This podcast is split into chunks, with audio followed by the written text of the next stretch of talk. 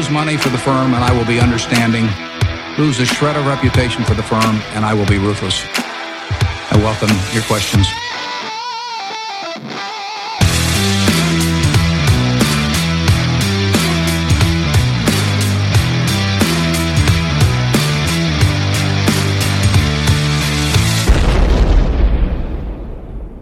Välkomna till Kvalitetsaktiepodden. Det är jag som är Ola. Och det är jag som är Klas.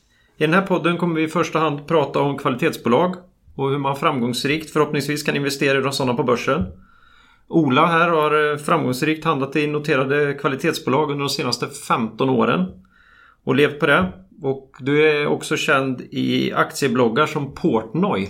Ja, exakt. Eh, kanske inte blogga men eh, de här forumen på nätet eh, har jag varit med eh, i lite olika sammanhang och eh, på Börssnack bland annat har jag varit med.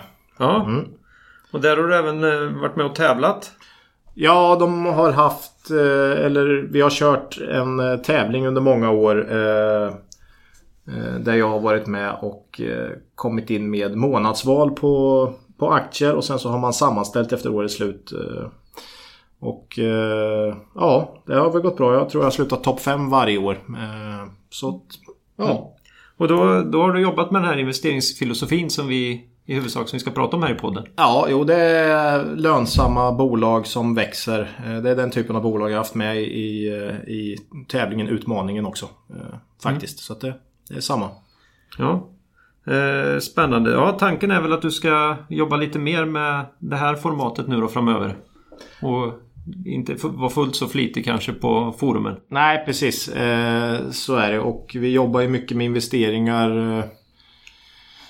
Eh, ja, så att det känns som att man kanske inte riktigt har tid att, lägga eh, på, på, på, den typen av saker. Men eh, just den här podden känner jag skulle kunna vara en, en en grej som eh, kan föra ut den här typen av investeringar istället då eh, för mig. Och eh, jag har en ambition att vi ska kunna komma ut med en podd varannan vecka. Mm. Och den ska gå på djupet med kvalitetsbolag utifrån den modell och de tankar som, ja, som vi investerar efter. Mm. Och vi kommer ta upp aktuella händelser och hur vi ser på saken utifrån ett sådant perspektiv. Vi kommer ägna väldigt lite tid åt makrofrågor utan mer tid åt praktisk tillämpning av investeringsfilosofi som vi har lärt oss av eh, våra förebilder Warren Buffett, Benjamin Graham, Charlie Munger och Peter Lynch med flera. Mm.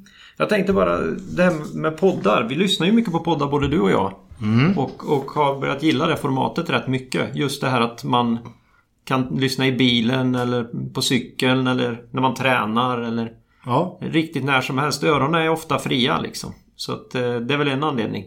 Ja, det är kanon sätt att konsumera på mm. tycker jag. Mm. Eh, mm. Så att eh, hoppas ingen kör av vägen här nu när vi kommer med våra knivskarpa analyser. analyser för det vore ju, vore ju bedrövligt. Men så, så kan det bli. Så kan det bli. Mm. Ja, vi eh, kommer ju då eh, prata om långa investeringshorisonter och vallgravar och fantastiska företagsledningar och sånt där. Då. Ja, det, det kan du ge det på.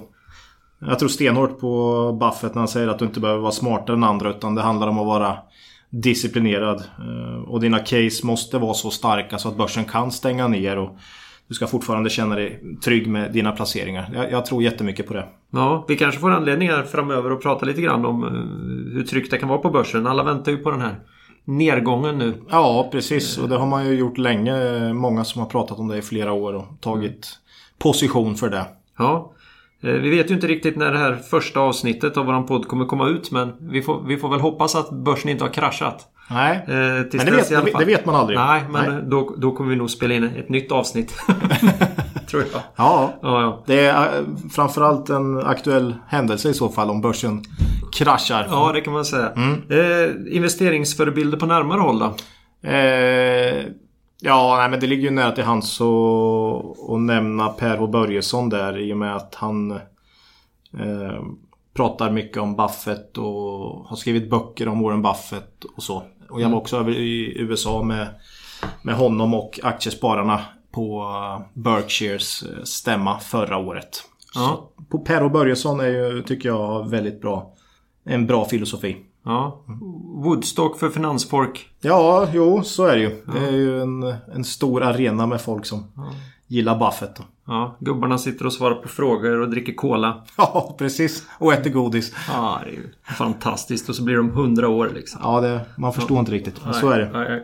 Ja, Okej, eh, favoritbolag då? Så vi börjar ringa in lite grann vad det är för typ av bolag. Vi kommer prata om många olika men vi- vilka är de här bolagen som vi kommer känna lite mer värme inför kanske?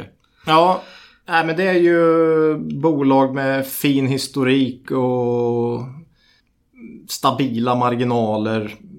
Fin eh, potential framåt. Eh, och då tänker jag Phoenix Outdoor. Som har Fjällräven då bland annat. Eh, BTS.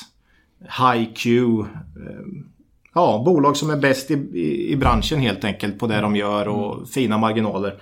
Den typen av bolag ligger mig varmt om hjärtat. Ja, du har ju hållit på jättelänge med att försöka investera i sådana här kvalitetsbolag men har du, har du några, vilka är de bästa investeringarna du tänker tillbaka? Och det är naturligtvis mycket slump i det här förstår Ja. alla också. Men... Nej men ska man prata procent då som man får göra i och med att eh, pengamängden ökar med tiden så är det väl bäst att göra det. Då, jag kommer ihåg på 00-talet så var det ju VBM, World Brand Management.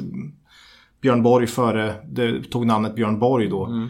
Som man tjänar mycket pengar på. Förra året G5 Entertainment var ju en mångdubblare. Eh, och annars är det ju de här långkörarna man har haft i portföljen som Phoenix Outdoor. Och, som man har tjänat mycket pengar på. Ja. Nej, det, det är kul och då följde inte du med G5 hela vägen upp ändå vet jag. Nej, det gjorde jag inte. Jag tror jag sålde sista på 180 kronor någonting. Eh, Och sen var den väl uppe här i över 400 för någon månad sedan. Och nu var den nere i 250 senast såg jag. Så det, det svänger hej vilt. Och, och det finns ju väldigt eh, tydliga anledningar till varför du, varför du går ur. Och det är ett bolag eh, redan där så att säga. Och det ska vi också prata om naturligtvis. Det, det har ju att göra med när, när, när börjar så att säga företaget lämna någon slags rimlig värdering. Precis, precis. Eh, så vi kommer ju ägna resten av den här podden åt eh, bolag och aktier. Men vi kanske ska presentera oss själva lite närmare. Vi känner ju varann men eh, lyssnarna här kanske inte riktigt vet. Eh, ja, det här första avsnittet förmodligen vet ju de flesta vilka vi är med. eh, vi är i alla fall eh, två medelålders. Ja. 40. 40 är väl det nya 30 nu Claes va? Så att, Ja, okej. Vi säger så då. Vi, vi är alltså två 40-ish manliga privilegierade, privilegierade cis-personer. Eh, vi har båda bakgrund som civilingenjörer från industriell ekonomi i Linköping. och där har vi blivit kvar ja. Ja, vi gillar stan. Absolut. Eh, du har ju under många år jobbat heltid med investeringar. Och jag har ju då precis bytt från ett jobb och har jobbat i energibranschen ungefär lika länge. Och eh, till att börja jobba med dig här och försöka tanka av din framgångsrika filosofi. Eh, Jag kanske kommer konsulta lite i energibranschen här i, i, i början för att täcka mina första dåliga trades då. Kanske. Ja. Ja. Ja, jag, säger, jag brukar säga en sån som försöker lära av de misstag jag sällan gör. Så att, eh, Du är så ödmjuk. Ja, ja, ja. Fruktansvärt ödmjuk. Eh, ja, Ja, helt unikt kan man väl säga att vi... Vi har ju båda kärnfamiljer så det är inte jätteunikt. Eh, bor i villa i omgivningarna här. Eh, vi spelar båda golf om än på lite olika nivå. Eh, Jag har ett brinnande musikintresse och därav också mitt nickname Portnoy som är före detta trummis i Dream Theater, hårdrocksbandet. kva- kvalitetsband också då. Definitivt. Ja. Ja, det närmaste jag kommer ett brinnande musikintresse är väl att jag snöat in mig på sci-fi-genren Space Opera. Åh, herregud. ja, ja. Eh, Alistair Reynold är min husgud för närvarande. Men det kanske dyker upp någon ny så småningom. Jag är lite ny in där. Men tjocka böcker. Oj. Ja, eh, okej. Och sen då för att göra det riktigt klart här känner jag väl att eh, innan vi går vidare att nu, det är Ola man ska lyssna på i den här podden till att börja med. Eh, jag är nog här för att lära lika mycket som många som kommer lyssna på det här tror jag. Men jag tror att vi ska kunna få ett eh, relevant och bra samtal kring aktier och investeringar. Det tror jag också. Eh, men det låter lite som ett Master Apprentice-upplägg här. Eh, där jag är Mr Miyagi och du är Daniel San. Ja, jo, för, förmodligen va. Jag, då skulle jag ju snarare tänka mig, tänka mig något ur Lejon, Lejonkungen då, där jag är Simba och du är Timon. Okej. Ja, jag vet inte. Med tanke på att vi lever på andras arbete kanske vi får mötas i Kejsaren och Anakin Skywalker. Nej, nu vill jag börja snacka bolagsvärdering. Okej, vi aktar oss för makro här i podden. Det är kanske inte något vi... Eh, ja, vi kommer komma in på det också. En viss typ av makro är ju jätteintressant. Men allmän makro inte så mycket för oss. Utan... Vi kommer ju prata om kvalitetsbolag, men bolag i fokus. Bolag som, är, eh, som det pratas om. Vi har ju till exempel Fingerprint Cards just nu som har varit en följetong de senaste åren. Ja. Kommer vi prata om sådana bolag? Ja, ja men alltså självklart kommer vi ta aktuella händelser. En, en rapportperiod till exempel så kommer det vara mängder av aktuella bolag vi pratar om. Och, eh, men mycket kommer ju bli liksom med eh, våran typ av investeringsfilosofi som grund. Eh, men eh, liksom Fingerprint Cards, äv- även fast liksom det är inte ett bolag jag skulle investera i så kommer vi givetvis ta upp den typen av bolag. Och Ja, eh, Men du har ju analyserat Fingerprint. Ja, det, jo det har jag gjort. Eh, och det är väl snarare det här med att bolaget inte har en tillräckligt lång eh, historik med stabila marginaler och stabil intjäning som gör att jag liksom passar på ett sånt bolag. Även om det ser väldigt bra ut och extrem tillväxt och sådär så vill jag gärna ha ett antal års historik innan jag vågar hoppa på ett sånt case. Så att, eh, mm. Och det, det kan man ju se här då att det kanske inte var fullt så hållbart som folk hade hoppats. Nej, eh, utan det kanske... Säg att de hade trummat på här eh, och på något sätt kunna hålla någon stabil marginal nu under en femårsperiod. Då, då hade det kunnat varit ett intressant case. Men just de här som drar iväg extremt omsättningsmässigt kanske har något år med väldigt bra lönsamhet. Det, det måste till mer än det för att det ska bli ett intressant case tycker jag. Det måste till någon form av stabil intjäning. Och sen är det väl så också att eh, de här riktigt, riktigt stora bolagen är ju, ja, i alla fall historiskt har inte du. Nej. Ja, Det är ju svårt. Alltså, jag gillar ju H&M som investering nu till exempel. Eh, just för att den har kommit ner ordentligt och du har inte så mycket förväntningar och du har lång historik och sådär. Eh, men det är ju sällan du kan göra de riktigt bra affärerna där. I och med att eh, Ja, storleken i sig hämmar ju tillväxt framöver. Så att de bästa casen gör du ofta på small cap till exempel då. Där du kan hitta väldigt fina bolag till hyggligt låga värderingar och som fortfarande har många år framför där de kan växa väldigt mycket. Så att eh, 90% av alla investeringar sker ju på small cap och mid cap eh, på Stockholmsbörsen. Så är det ju. Och det kan ju vara väldigt få, ibland inga analytiker som tittar på de här bolagen regelbundet. Ja, Utan, precis. Och det är också en fördel tycker jag. Eh, att man kan göra egna analyser och Ja, bolagen styrs inte så mycket av vad som skrivs om dem eller att någon har koll på hur det ser ut och eh, säsongsmönster och så. Eh, Det är en jättefördel om man kan analysera de bolagen på djupet. Mm. Ja, eh, vi kommer få anledning att prata om alla möjliga sorters bolag i den här podden. Mm, absolut. Men eh, nu ska vi prata om hur du hittar de verkliga kvalitetsbolagen då och, och hur du bestämmer lite grann när du känner att det är läge att köpa och sälja och sådär då. Och ja, hur hittar du ett Ja, det, kvalitetsbolag? ja, det finns ju många kvalitetsbolag såklart och det handlar ju mycket om eh, historik, eh, tillväxthistorik, eh, stabilitet i marginaler, möjlighet att växa framåt. Där har du kvalitetsbolag. Eh, Men det är ju liksom sällan som de är prisvärda och kan köpas till en vettig multipel. Nibe till exempel är ju ett sånt bolag som under många år vuxit jättefint med bra marginaler men sällan handlas under P 20 eller 25. Eh, Då, då, då är inte jag med på en sån resa utan jag vill gärna hitta de här bolagen när de av någon anledning handlas lite lägre. Ja, din motpart är ju Mr Market. Det Ja. är ju sällan helt... Nej, han är inte helt logisk alltid utan det kan vara många olika anledningar. Någon vill sälja av någon anledning. Någon fond tvingas vikta ner. En allmän börsnedgång kan ju sänka den här typen av kvalitetsbolag väldigt hårt. Jag har ju sett Hexagon som ett kvalitetsbolag under alla år trots ganska hög skuldsättning men i finanskrisen 2008 så köpte jag in det till P8 tror jag eller något sånt och det har väl nästan aldrig handlats under P20 annars. Så att det finns sådana tillfällen då du kan köpa den typen av bolag billigt. Ja.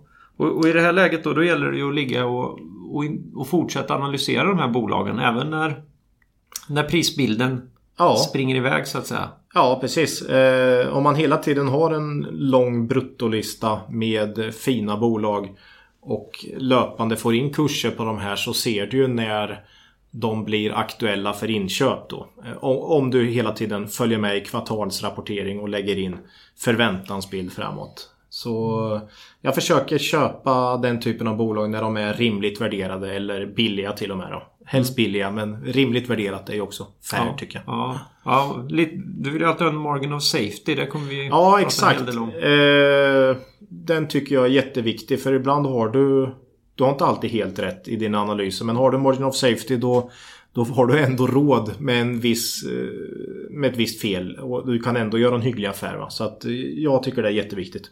Mm. Men när du, när du tittar på de här bolagen då, det, vad är det första du tittar på? Ja, historik, lång historik, omsättning och marginalmässigt. Eh, tillväxt 10 år i snitt då. Vad har de snittat för, för omsättningstillväxt och hur stabila har marginalerna varit? Eller växer de till och med? Jag vill ha en stabilitet i ägarled eller ledning helst då. Så jag har sett att de presterar. Om ett sånt bolag precis har bytt ledning så ska man kanske vara lite försiktig. Eh, för det kan ju hända något då. Så att det, det är ett kvalitetsbolag för mig. Mm. Eh, ja, företagsledningen var vi inne på. Mm. Eh, Precis. Brukar du titta någonting på hur företagsledningen beter sig runt aktien också? Ja, jo men det, det gör jag. Jag följer insiderhandel såklart och kollar när eh, ledning eh, köper. Styrelse och ledning, ägare, huvudägare gör ägarförändringar och sådär. Det är en ganska bra signal också. Sälj inte sådär det kan man göra av många anledningar men köp det gör man ju i stort sett bara av en enda anledning och det är att tjäna pengar. Så när, man kö när, när, någon köper i den egna firman då brukar det vara bra mm. läge. Mm. Mm. Och ägarlistan? Mm. Eh, ja, jag vill gärna ha kött och blod där. Långsiktiga ägare som eh, eh, ja, brinner för bolaget. Eh, det brukar vara bra många institutionella ägare och så är inte lika attraktivt tycker jag. Även om det händer att jag går in i de, den typen av bolag så, så ser jag helst att det är kött och blod i ägarlistan. Mm. Och gärna mycket kopplingar till själva bolaget också. Ja, precis. Absolut. Och att VDn har mycket aktier, styrelsen sitter på mycket aktier är ju en stor fördel för då är de liksom med i båten. Jag, jag blir alltid orolig när man kommer in i ett bolag där ledningen inte äger någonting. Mm. Det, är liksom, det, det, räcker inte för mig. Då kan de på något sätt... Går det dåligt så blir de inte drabbade va? Nej, de jobbar för lön då. De jobbar för lön ja, precis. Så att det är viktigt tycker jag. Eh, så är det. svulstiga sådana här premieprogram och sånt där ja. är ju ingenting. Nej, nej. Precis. Eh, så att, nej, jag, jag, tycker det är jätteviktigt. Sen är det ju vissa bolag som i stort sett har satt i system att eh, köpa och sälja vid olika tillfällen på grund av att de har en insynsfördel. Som Microsystemation till exempel som jag tycker har betett sig ganska dåligt senaste åren. Då de har sålt före svaga rapporter och sen köpt tillbaks eller lagt optionsprogram när aktien har varit lågt värderat och sett en ljus framtid. Det, nej, det, det, även om Microsystemation är ett intressant bolag så går det bolaget bort på grund av ägarnas eh, handel i bolaget då, mm. till exempel. Ja, alltså svagt etiskt agerande. Ja, precis. Det är konstigt att inte, inte det beivras hårdare av både handelsplatsen och... Men ja. det är svårt att bevisa naturligtvis. Ja, så är det ju. Men... Eh, ja, jag tycker det är konstigt och, och, dessutom det här att du får egentligen handla som eh, insider eh, en månad innan en rapport släpps. Eh, senast då, men det räcker inte ibland tycker jag för att Säg att du rapporterar i slutet på november eh, Q3 då så kan du ju handla hela början på oktober kan du ju då handla den egna aktien även om du vet att, hur resultatet har blivit då va. Mm. Så att eh, ja, kanske ska förändra reglerna där. Ja, vi får se om mm. det kommer några förändringar på sikt. EU brukar ju vara duktiga på att försöka styra upp sådana här grejer. Får se om det kommer någonting därifrån kanske. jo, precis. Uh, ja. Uh, Nej, men vi pratat, eh, vi pratat lite grann om uh, Margin of Safety. Mm.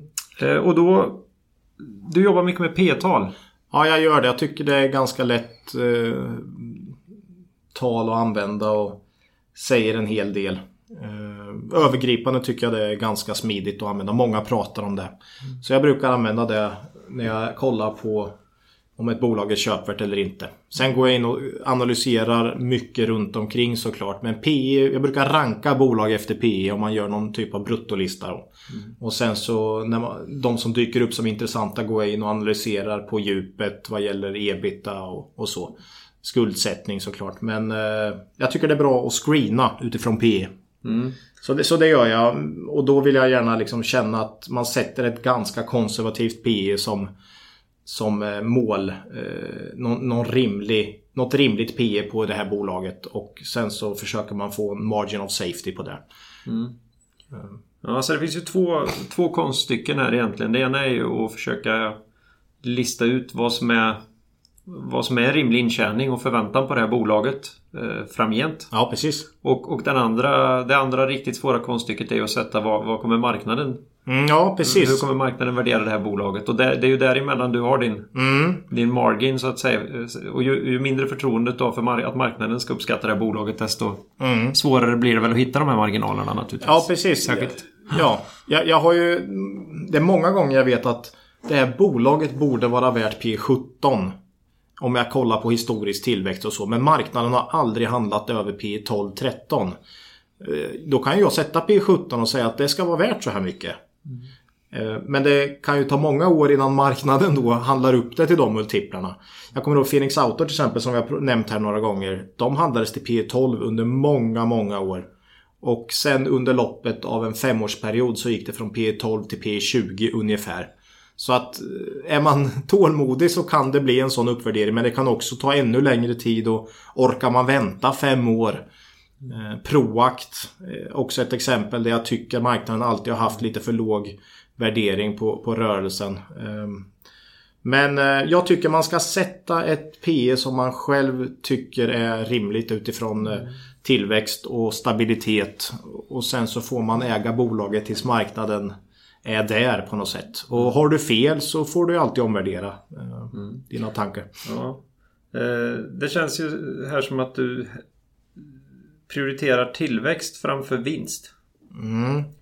Ja, Omsättningsökning är... Ja, i, i, i det långa loppet så är det alltid vinsttillväxt som eh, ligger till grund för en akties utveckling. Men eh, om man, man kan liksom inte fila på marginaler hur länge som helst i ett bolag utan grunden i ett fint tillväxtbolag måste vara att omsättningen ökar över tid. För du kan inte skruva på marginaler hur länge som helst.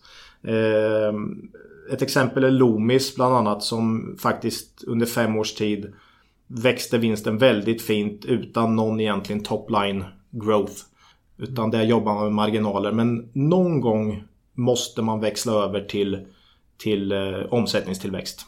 Mm. Så är det. Och det är ju inget som säger, alltså det kan ju finnas många kvalitetsbolag som håller sig vid sin läst och är nöjda med sin storlek och så vidare. Men det är inte de bolagen som vi är riktigt intresserade av för deras värdering är ju ofta mer rätt då, ja, kan man ja. säga. Och om du inte har någon tillväxt så ska du ju inte ha något högt PE heller då. För man... Det är stabilt och bra förmodligen då. Men du kan ju inte få någon jättevärdering i och med att du har en, bara en konstant vinst över tid. Utan helst vill man ju se de här som, som växer omsättningsmässigt starkt med stabila eller ökande marginaler. Det, det är ju ofta väldigt bra case. Mm. Eh, ja, Mm. Okej, vi tänkte ju prata lite om ett eh, kvalitetsbolag som står oss nära här i den första podden. ja. Eh, och... Ja, vi har nämnt det flera gånger här ja. under, podden. Bra att ta som första case tycker jag. Mm. Vi ska ut i skogen här alltså. ja, eh, precis. Phoenix Outdoor. Ett eh, bolag som eh, som gått från small cap till eh, och snart var large cap mässigt under 10 år här. En, eh, en fantastisk saga som började redan för 40-50 år sedan med Fjällräven. Och eh, ja, det här är ett riktigt kvalitetsbolag tycker jag. Eh, man har två olika affärsområden. Ett som innehåller Eh, brands, olika typer av varumärken där Fjällräven ligger men även Primus eh, och Brunton med mera. Ett jättefint affärsområde med stark tillväxt och hög lönsamhet. Och sen har man affärsområde retail där man har olika typer av butikskedjor ihopklumpat i ett affärsområde. Och det är Svenska Naturkompaniet bland annat och kedjor i Finland, Tyskland och nu senast gjorde man ett förvärv i Danmark. Det var nog bara några veckor sedan man kom ut med det mm. pressmeddelandet och köpte, köpte det. Så det kommer in härifrån Q4. Eh, men man har två affärsområden med med klara synergier såklart i och med att man kan slussa sina varumärken ut till de här butikskedjorna. Mm. Men de är väldigt olika i sin karaktär också i och med att eh, retail har låg lönsamhet som all retail numera egentligen. Eh, och medan de här varumärkena har väldigt fin lönsamhet. Eh, så att eh, Ja, det är ett jättefint bolag. Och det här om man kollar på Phoenix Outdoor så tycker jag egentligen att brands är det som driver hela, hela caset. Mm. Det, det, andra har ju till och med Martin Nordin då, VD, sagt att det är tänkbart att dela ut hela retail retail-delen av bolaget. Eh, mm. Så att... Eh, ja, det är så tuffa marginaler nu på... Ja, precis. Det är så tuffa marginaler. Även om de gjorde ett förvärv mm. förra året, eh, Globetrotter. Som de har fått faktiskt vänt från i stort sett plus minus noll resultat till några procents rörelsemarginal och bättre ska det säkert bli. De är väldigt duktiga. Jag ser att de har gjort samma sak med det finska förvärvet som de gjorde för en 5-6 år sedan. Eh, som de har gjort med Naturkompaniet. Så att de verkar få in alla bolag de förvärvar i samma typ av... De stöper det i samma form va, på något sätt och lyckas med det. Mm. Får vi se om de lyckas med det danska. Ja precis och, och kollar man på Fenix så har de nu senaste 10 åren vuxit med i snitt 20% per år. Det är inte många bolag på Stockholmsbörsen som har det i snitt över 10 år. Och vinsten har ökat med i princip samma procentsats mm. per år. Eh, det här, det, de här bolagen ska vara värda Eh, de är värda ett högt PE. 2025 skulle jag kunna tänka mig mm. på den här typen av bolag. Och jag ser det som att Fenix har 2,5 miljard i omsättning i retail och 2,5 miljard ungefär i brands då. Och jag ser jättestor tillväxt i båda de här affärsområdena framåt. Jag tror de kan växa under många år med samma eh, tillväxt som de har haft då. Eh, brands är ju mer en geografisk expansion över världen. Eh, där USA nu är ganska nytt eller några år in som man har, har etablerat sig där. Mm. Men jag tror man kan växa jättestort med brands, de här olika varumärkena och retail är väl lite mer ett förvärvs eh, case då där man förvärvar in nya affärskedjor och stöper det i samma form som man har lyckats med nu här under många år. Va? Så att eh, ett kanonföretag. Mm. Och då, och då har du ju förväntningar på det här bolaget naturligtvis eh, eh, framgent här också då. Ja, precis. Vad, vad, vad tror du om de kommande året? Ja, eh, man jobbar på lönsamhet nu framförallt i retail-delen. Så man gjorde det här jätteförvärvet så har det varit huvudfokus i retail att vända, få upp marginalerna där igen. Och så, så där är det inte mycket tillväxt då. Nu gjorde man i och för sig ett förvärv här som kommer bidra lite till tillväxten. Men, men det är framförallt en marginalfråga vad gäller retail. Eh, brands är ju mer en kontinuerlig tillväxt med 20% per år och något ökande marginaler hela tiden. Så att eh, Det är väl de två sakerna som kan driva eh, vinsttillväxt kommande år och även att dollarn har försvagats kommer gynna Phoenix Outdoor i och med att man köper in mycket i dollar då. Mm. Eh, och om man kollar historiken på Fenix så ser man att rörelsemarginalen, om man tar bort det här året då man förvärvade Globetrotter och gjorde jättestora omstruktureringar där så har rörelsemarginalen de senaste 10 åren pendlat mellan cirka 12-13% och 18-19%. Eh, så att och det är liksom ingen korrelation med svagare tider har varit svagare marginal utan den har varit väldigt stabil och kanske på grund av några interna saker så har den gått lite upp och ner men det är en oerhörd stabilitet. Va? Så att det är inte mycket konjunkturkänslighet i det här bolaget skulle jag säga. Hur, hur gick de under senaste Ja, om man tar finanskrisen då 2008-2009 så både 2008-2009 växte bolaget med cirka 15% och marginalen var, stod stilla på samma nivå under hela finanskrisen. Så att eh, ja, kvalitetsbolag. Mm. Mm. Det är kvalitetsprylar uppenbarligen också som kan hålla uppe så under... Definitivt. Konken kommer vi säkert ihåg alla vi som är födda på 70-talet. Och jag hade en sån när jag gick till skolan och när man tittar ut på gatorna idag. Det är, de ser ju exakt likadana ut. Jag tycker inte det är en jätteskön ryggsäck men det måste måste ha en väldigt bra kvalitet i och med att alla, man ser många retro-konken också. Så, ja. Alltså som går omkring med sina gamla konken från 70-talet. Så att Ja, det är, det är kvalitetsprylar. Och dunjackorna såklart och primusköket. Det är, det är kvalitet.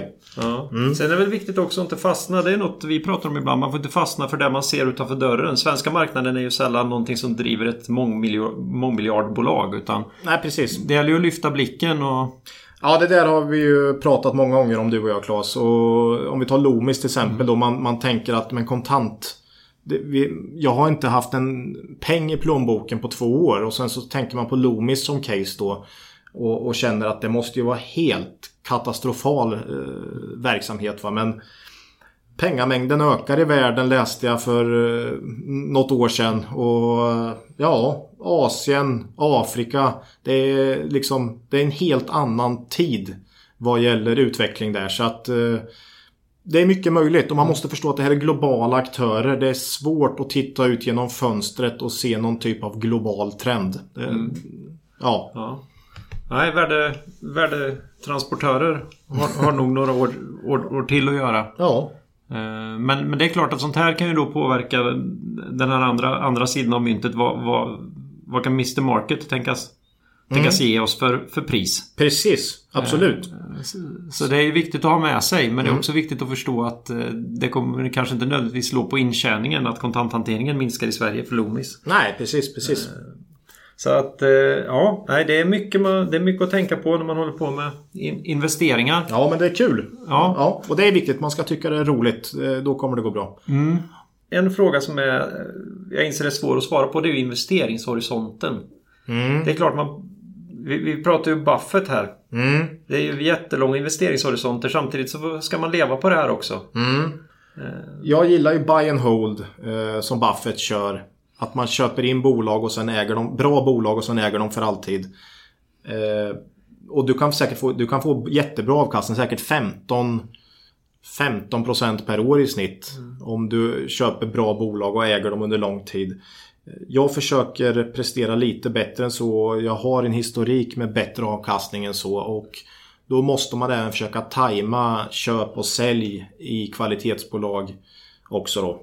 Mm. Ehm, och eh, ja, då måste man försöka köpa när det är lite extra billigt och sälja när man inte tycker det är så attraktivt längre. Nej, för det är det här det kommer in då. Att mm. inte, att, att inte lita på de här eh, marknadshåsen utan lita på sin analys av bolaget istället och konstatera att nej nu nu handlas det här långt över vad den underliggande intjäningen i det här bolaget och förväntningarna rimliga förväntningarna på det här bolaget Precis. Eh, kan försvara så att säga. Ja. Det var ju så, du, vi pratade ju G5 förut. Mm, eh, precis. Du, du, släppte ju dem då, skulle man kunna tycka lite tidigt, men du såg att nej men de här pengarna måste in i ett annat bolag nu som har... Bättre potential ja. Så är det. Det är så jag tänker då. Många kanske säger att varför hänger du inte med mer? Det är ju ett sånt fantastiskt case. Men samtidigt, man vet aldrig när det vänder heller. Eh, om du tycker att en aktie är dyr så ska du inte ha den i portföljen. Eh, om du inte kör någon form av buy and hold strategi. Som inte är fel för mm. det är också en väldigt bra strategi i och med att du knappt behöver jobba. Va? Så intjäning per nedlagd timme är ju väldigt bra om du kör buy and hold. Men eh, ska du försöka optimera avkastningen lite mer så, så måste du sälja och köpa något billigare mm, då och då. Och G5 som det såg ut då caset, som jag kommer ihåg det så var det kanske P25 då på, på 180 spänn och ja, då tycker jag liksom det är rätt att hoppa av. Va? Ja, det är extremt få bolag som... Eh, kan, ja, som är värda den typen av värderingar. 25-30 ser man ju ibland och Ja, det ska till väldigt, väldigt speciella bolag. Eh, för att liksom kunna växa i de värderingarna. Mm. Nej, man har då en för, någon förväntan om en, enormt eh, kraftig fortsatt tillväxt i de här bolagen. Det är ju intressant i ett sånt bolag som G5 som, som ju hade en succé på marknaden då. Mm. Mm. Där de absolut inte är ensamma och... Nej, eh, det är de inte. Jag, jag, tror de har... G5 är absolut ett bolag som jag gillar. På grund av att de har en nisch i sin bransch och de har en skalbar affärsmodell. Med skapa nya succéer och sådär. Men de kommer ju säkert inte på löpande band utan det blir ju lite... Ja, eh, lite stokastiskt då. Eh, att man får en hit med något spel och sen så kanske det går ner lite lugnare tempo. På något sätt när de här bolagen går extremt bra med extremt hög tillväxt, över 100% kanske per år. Då extrapolerar marknaden ut de där tillväxten liksom. Och när den här typen av bolag sänker, då går in i ett lite lugnare år, ett mellanår eller vad det nu är. Med lägre tillväxt, ja då ska marknaden extrapolera 5-10% tillväxt helt plötsligt. Så att Ja, man får försöka hålla koll på den långa tillväxten. Det är därför jag försöker gilla den, det är därför jag gillar den här 5-10 årsgraferna med vad man har för tillväxt och vinsttillväxt. För att då kan man inte förvillas och säga att oj, den är 100% liksom. De kan ha vilket P tal som helst här. Utan, ja. ja. Många som eh, försöker jobba med börsen menar ju på att historiken den, den säger ju ingenting utan det är ju i framtiden värdet sätts. Men du har inte alls den Nej, jag, synen. Jag tycker det är jätteviktigt att se eh, om när man, att titta på historiken. Dels att se hur pass stabil är verksamheten för konjunktursvängningar men också vad kan bolaget prestera över tid. Eh, för att om du ska tro något annat om framtiden då måste du också ha en bra förklaring till varför något helt nytt ska hända kommande fem år. Det som har hänt i tio år det är ganska stor sannolikhet att det även händer några år till. va? Mm. Men att du helt plötsligt skulle få någon helt annan typ av intjäning eller någon helt annan typ av tillväxt. Ja, då ska du ju ha en väldigt bra förklaring till det och det händer ju inte så ofta. Va? Så att jag gillar verkligen historiken för att bedöma framtiden. Eh, jag gillar att, se, att titta på den. Sen kan det vara enskilda händelser som gör att omsättningen kommer att öka under några år eller så. Men historiken tycker jag är jätteviktig för att, viktig för att bilda sig en, liksom en, en bra bild av bolaget. Mm. Mm. Ja, det var en eh, bra första mm. Eh, ett bra första samtal tycker jag om, om våran, eller främst din investeringsfilosofi Ola. Mm. Eh, ja, vi hade ju tänkt att vi skulle ha lite stående programpunkter i podden också. Mm.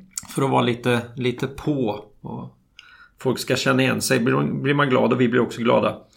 Eh, så att då ska vi, har vi tänkt att då varje vecka på svengelska här då eftersom de är på engelska de här och vi, vi är svenskar som ni hör. Jo. Eh, ska vi försöka läsa upp ett hyggligt autentiskt citat från någon av våra husgudar då. Mm. Och eh, sen så ska vi ta en liten diskussion om hur, hur du har anammat anammat de här visdomsorden i din investeringsfilosofi. Hur, hur känns det? Ja, men det... Vi provar. Jag tycker det... Vi älskar ju de här citaten så det...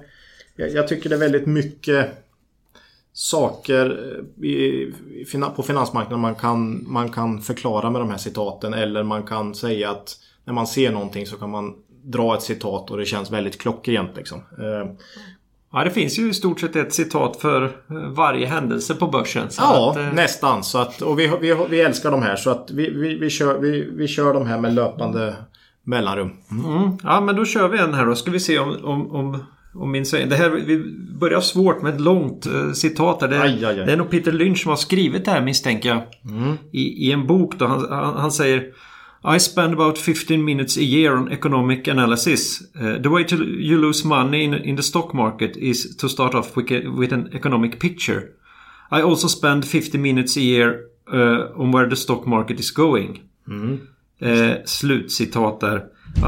ja, hur anammar du det här Ola? Och varför är det viktigt? Jag, jag, har under många år och försökt analysera börs och, och så eh, i början på min investeringskarriär. Eh, och man lockas ofta in i det här att man får frågor. För väldigt mycket av fokus i media ligger ju vart tar konjunkturen väg? Eh, vad händer med arbetslösheten? Eh, kommer börsen gå upp nästa år eller går den ner?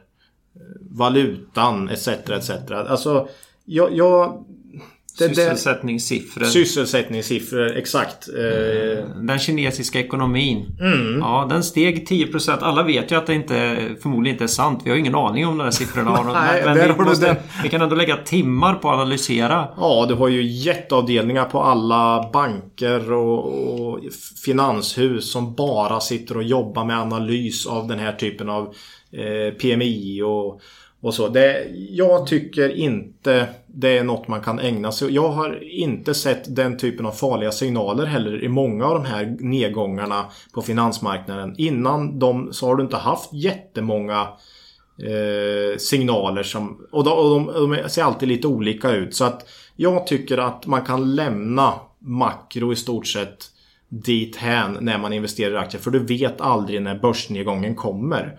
Eh, och då är ju idén att sitta i bolag som med all sannolikhet kommer fortsätta att tjäna sina pengar. Hyggligt och definitivt kommer komma ut som eh, ett lika bra eller kanske till och med starkare bolag när väl lågkonjunkturen släpper sitt grepp. Eh, de bolagen vill du sitta i. Och det, det många säger att jag slapp nedgången, jag var helt likvid. Då ska man alltid ställa frågan när gick du likvid? Var det dagen före börsnedgången eller var det två, tre år innan? För de två, tre, har du sålt två, tre år innan då har jag säkert tjänat 100% i uppgång på de två, tre åren. Så att eh, man måste hela tiden fråga när har du sålt? Va? Jag, jag, jag tror inte att någon fullt ut kan säga att man kan tajma börsens upp och nedgångar. Och kan man det, ja, skriv ingen bok om det för då kommer det garanterat inte kunna göra det i fortsättningen. Om, om, nej, Nej. precis. Ja, nej, men det är ju det här med eh, makro, eh, makrobiten och samma sak att försöka gissa kommer börsen gå upp eller ner imorgon. Mm. Eh, det, det finns ju många som eh, lever på det här och lever på att köpa indexfonder och, Mm, mm. eh, och både, både spekulera i om index ska gå upp och index ska gå ner och det går nog att göra sitt levebröd. Eller det går ju garanterat att göra sitt levebröd Det gör det säkert. på det också. Men det är ju ingenting vi håller på med överhuvudtaget. Så det, Nej, vi satsar på bolagen. Eh, och där, men däremot kommer ju makro in i bolag. Det gör det ju. Valutan påverkar ju alla bolag till exempel som jobbar på en global marknad. Och man måste ju ha koll på valutaändringar såklart. Men du ska ju inte göra prognoser på eh, vart valutan kommer. Utan du får ju helt enkelt löpande se då hur mycket, säg att dollarn har gått ner 10% hur kommer det påverka dina bolag? Men du kanske inte sitter och gissar, jag säljer det här bolaget nu för jag tror dollarn kommer gå upp 10-20% utan ja, sånt som eh, faktiskt har hänt måste du ju få med såklart i, ditt, i dina prognoser. Ja, det börjar i bolaget. Och sen, sen så tar det hänsyn till makrofrågor. Vi har haft ganska mycket diskussioner. diskussioner. Vi har pratat en del om Brexit. Det finns naturligtvis en del, hel del eh, kvalitetsbolag som har en hög exponering mot Storbritannien. Mm. Och eh, ja, då kanske man eh, får avvakta. Kopparbergs är en sån. Vi har, Ja, just det. ser jätteintressant ut men Mm. det är helt omöjligt idag att säga. Ja, det är jätteberoende av UK och ja, väldigt svårt att veta vad som händer med dels pundet men även med importregler och handelsavtal och, så vidare. Så att då, Kopparbergs är ett bra bolag och intressant men eh, just nu väldigt mycket osäkerhet förknippat med det bolaget. Och jag gillar att kunna göra hyggligt bra eh, och trovärdiga prognoser och det, det går nästan inte i Kopparbergs idag tycker jag. Mm. Nej, men ett kvalitetsbolag lika fullt. Ja.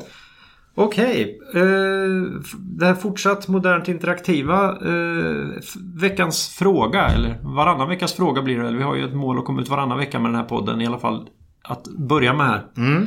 Eh, bra. det här ska då manifestera sig att du Ola eh, varje vecka besvarar en fråga från lyssnarna då, och av naturliga skäl så finns det ännu inga lyssnare och där, där är heller ingen fråga men du har kollat lite grann på i, i forumen och funderat över vad är det folk brukar brukar fråga dig om? Mm. Eh, ja, en fråga jag ofta får eh, är att hur, hur stor del av portföljen kan man ha i ett enskilt bolag?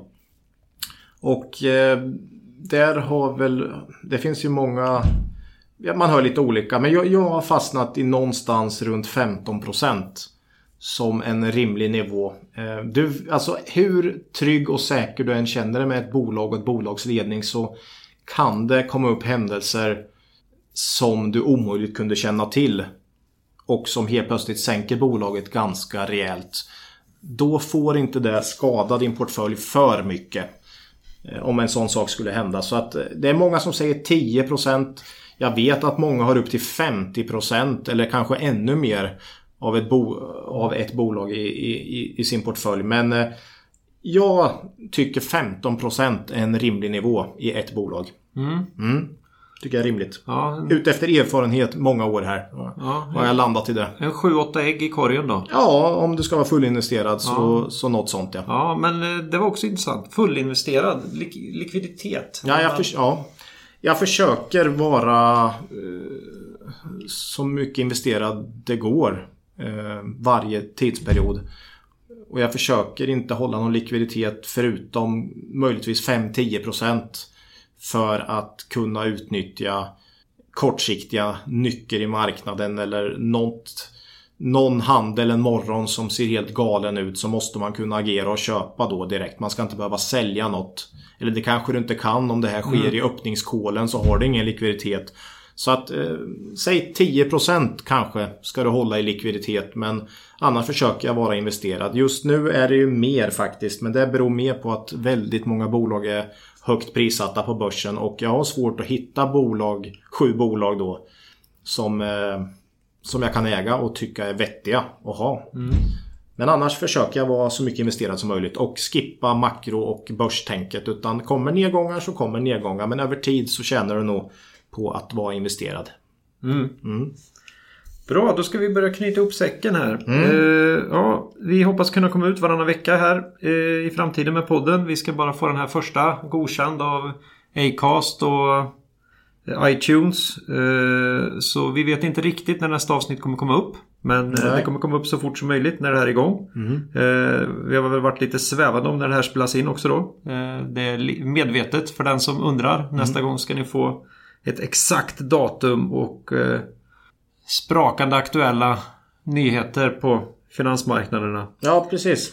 Det blir aktuella bolag. Eh, det är ju rapportsäsong eh, som drar igång här snart. Och, eh, eller drar igång nu kan man säga. Och det är klart vi ska prata om aktuella bolag och bolagshändelser och utifrån vårat perspektiv vad man ska hur man ska agera i de här och lite mer fokus kanske på köpa och sälj också då nästa, nästa gång vi kommer ut med podden. Det där pratar vi mycket om. Jag tycker ju att det är bara att köpa när det är billigt och sälja när det är dyrt. Men... Jo, jo då, så att... ja, det, det, det, det, är inte så lätt alltid. Men mm. eh, vi ska också prata mer citat då, tycker jag. Eh, vi ska ta del av av det. Och det är också kommer vara löpande inslag i vår podd och vi ska analysera och prata om olika citat. Ja, se om någon tycker det är roligt förutom oss. Vi, mm. vi, vi, får se hur länge det håller. Ja. Eh, ja, det blir spännande så missa inte det nästa avsnitt av Kvalitetsaktiepodden. Eh, vi har en mail eh, mm. som är kvalitetsaktiepodden gmail.com. Bra. Eh, och då vill vi gärna få in några frågor om eh, börshandel i allmänhet. Eh, så ska vi försöka besvara dem utifrån Absolut. Olas, Olas mm. syn. Absolut. På börsen och bolagen som finns där. Mm. Och jag hoppas också kunna lära mig något. Eh, och så vill jag slutligen fråga om det finns något av makro som du tycker vi ska ta upp här idag? Ja, den kvarten tog jag i våras. Okej, okay, ja då blir det samma sak med vart börsen är på väg då. Mm. Eh, jag tänkte vi kanske skulle köra en bit om teknisk analys. Eh, nej, jag tror vi hoppar den biten också va. Okej. Okay. Mm. Ja, då är ju frågan om vi äger någon av de här bolagen vi har pratat om idag. Det blev några stycken. Ja, Phoenix Outdoor har vi ganska nyligen köpt in ja. Eh, vi äger BTS tog vi upp. Ja, det är väl de vi äger av de vi pratar om tror jag. Ja, mm. får se. Eh, om det blir mer, mer bolag vi har i portföljen eh, framöver. Mm. Eh, ja, då säger vi hej då för den här gången. Ja. Och kom ihåg. Det är först när tidvattnet drar sig tillbaka som du får se vem som badat naken. Lose money for the firm and I will be understanding. Lose a shred of reputation for the firm and I will be ruthless. I welcome your questions.